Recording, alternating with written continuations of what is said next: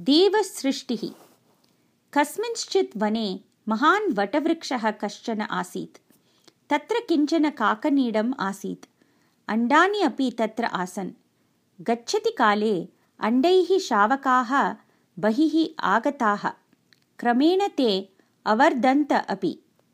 काकमाता शावकेभ्यः आहारदानसमये एवं चिन्तयति स्म। हन्त अहो देवस्य पक्षपातः। सृष्टौ मानवस्य स्थितिः अपि एवमेव। केचन सुन्दराः अन्ये केचन कृष्णवर्णीयाः। पक्षिषु अपि एवमेव। कोकिलस्य कण्ठः इव मम कण्ठः नास्ति। शुकस्य इव मम रूपैश्चर्यं नास्ति। यदि देवः कृपां कुर्यात् तर्हि मम शावकानां च स्वर्णवर्णं याचिष्यामि अहम् तदा अहमपि इतरे पक्षिणः इव गर्वेण व्यवहर्तुं शक्नुयाम् इति। सर्वदा एतादृश्या हीनभावनया खिद्यते स्म काकमाता।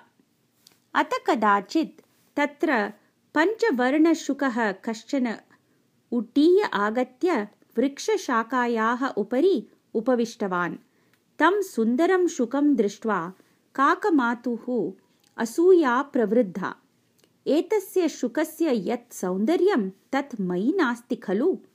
एतस्य गानम् उड्डयनं च कर्णयोः नेत्रयोः च तृप्तिं जनयति। अहो एतस्य दर्शनात् कियान् आनन्दः भवति? इति काकमाता चिन्तयति। आसीत्। तावता कुतश्चित् आगतः कश्चन बाणः शुकस्य कण्ठे लग्नः। शुकः सहसा वृक्षात् अपतत्। एतद् दृष्ट्वा काकमाता अतितरां भीता। इदानीं काकमाता अचिन्तयत् यदि ममापि शुकसदृशं सौन्दर्यम् अभविष्यत् तर्हि अहमपि तीक्ष्णेन शरेण आहता अभविष्यं निश्चयेन। मम शावकाः विनाहारम् अनाथाः सन्तः मृताः अभविष्यन्।